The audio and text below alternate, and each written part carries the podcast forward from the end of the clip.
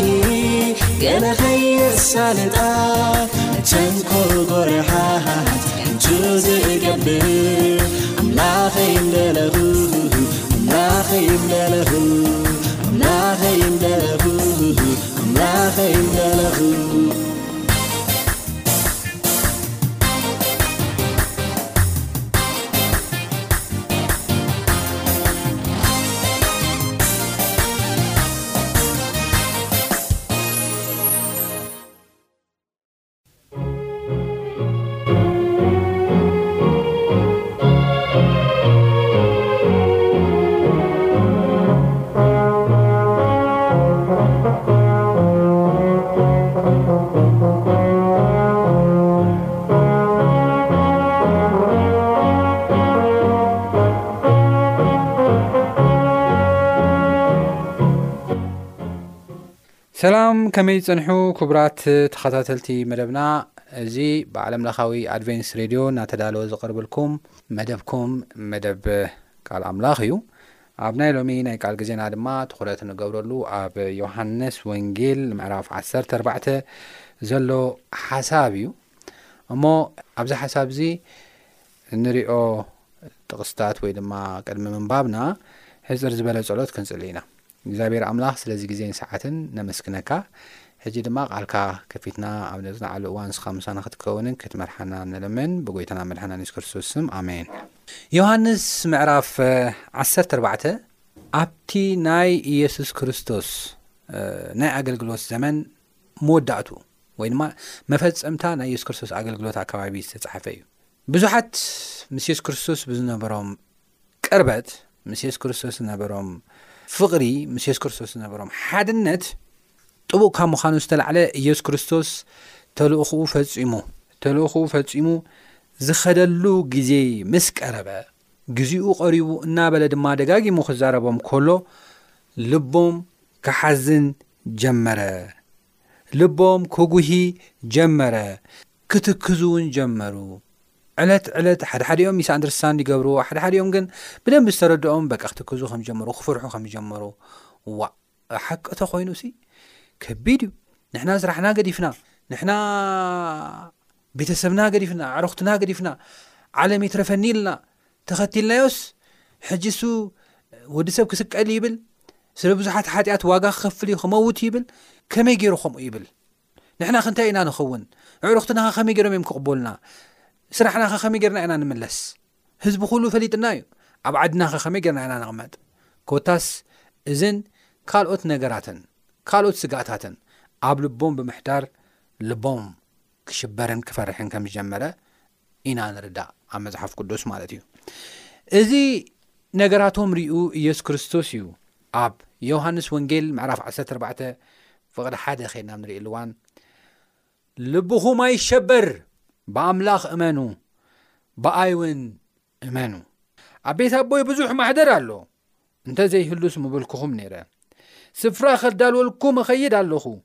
ከይደ ስፍራ ምስ ኣዳለኹልኩም ኣብቲ ኣነ ዘለኽዎ ንስኻትኩም ኣብኡ ምእንቲ ክትኮኑ ተመሊሰ ክመጽእ እየ እሞ ናባይ ክወስደኩም እየ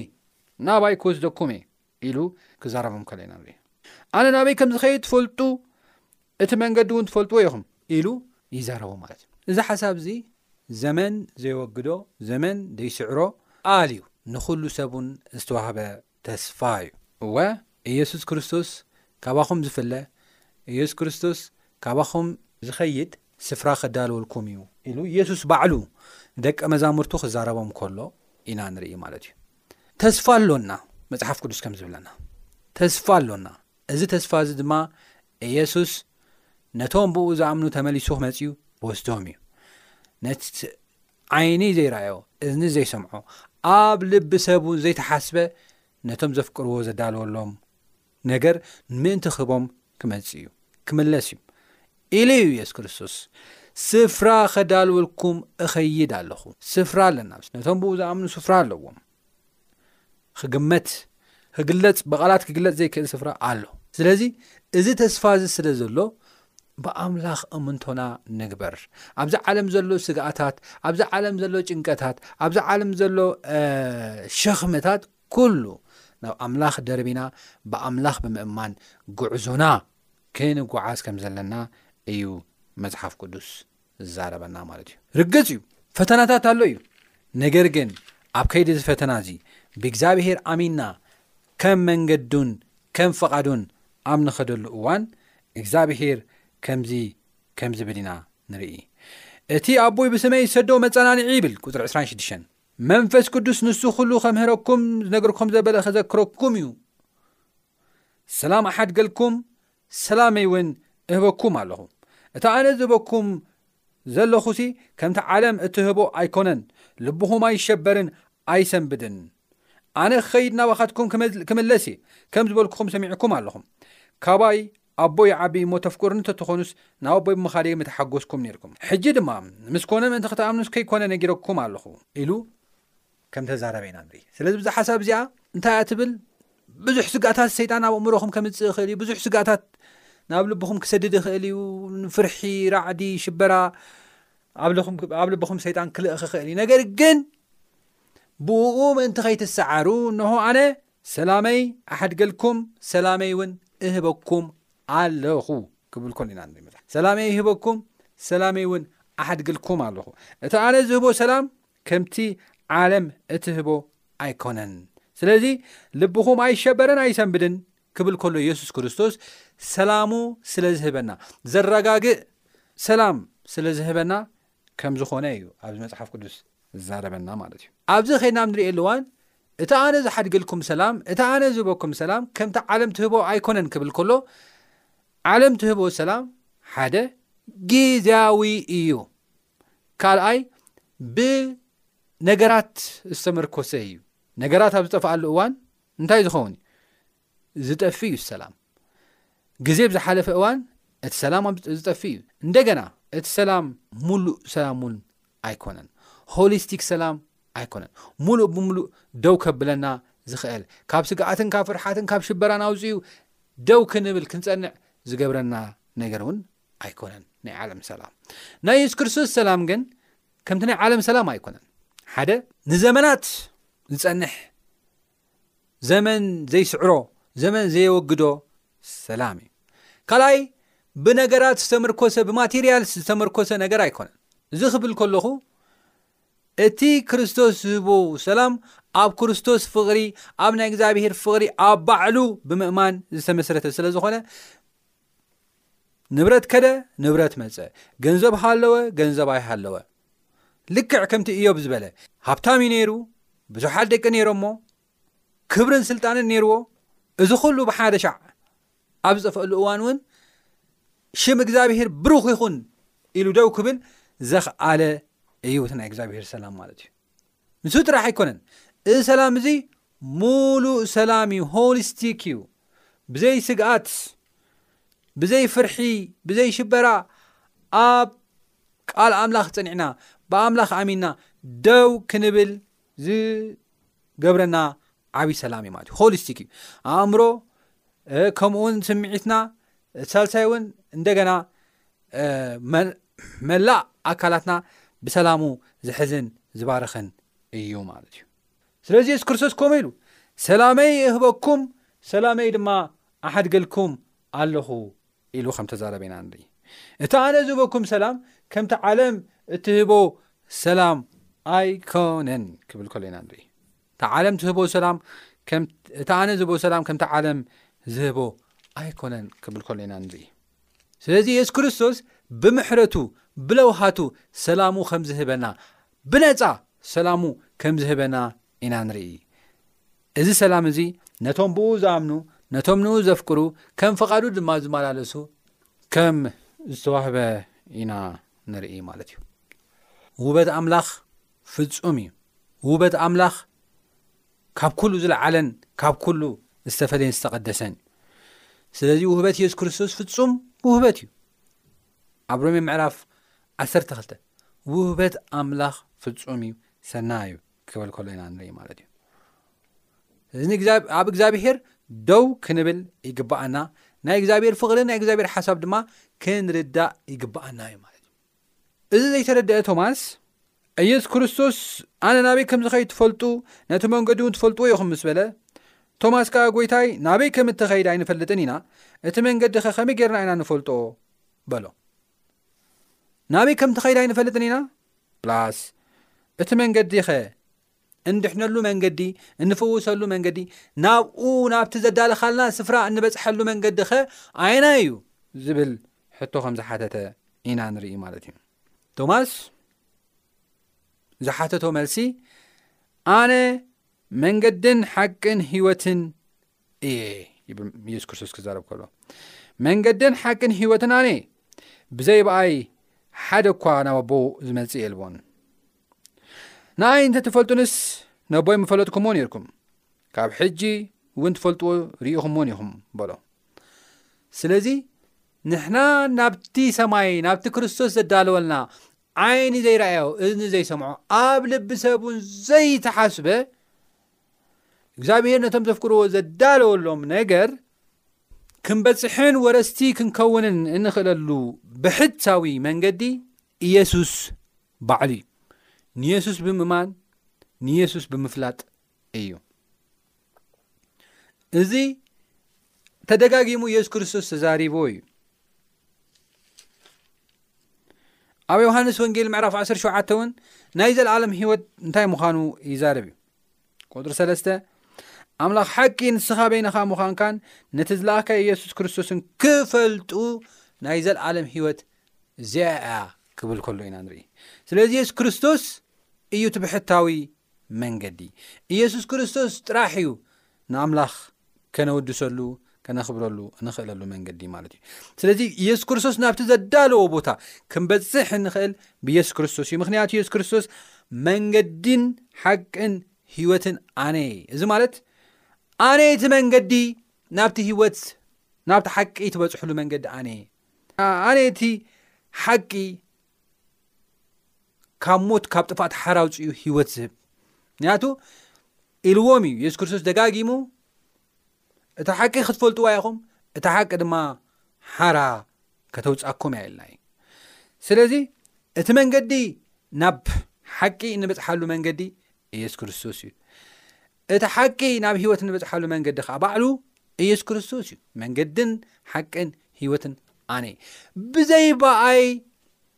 ናብ ኣቦ ክትበፅሑ ኣይትኽእሉን ኢኹም ኢለ ከም ተዛረበ ኢና ንርኢ ሎሚ ብዙሓት ሰባት ናብ ኣቦ እግዚኣብሔር ናብቲ ዘዳለወሎም ዓይኒ ዘይረኣዮ እዚ ዘይሰምዖ ኣብ ልቢ ሰብ እውን ዘይተሓስበ ናይ ዘለኣለማዊ ክብሪ ንክበፅሑ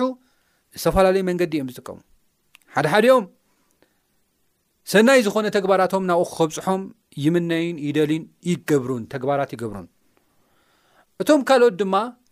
ቅዱሳንን መላእኽትን ናብኡ ከብጽሑና እዮም ኢሎም ብኦም ተስፋ ይገብሩ። እቶም ካልኦት ድማ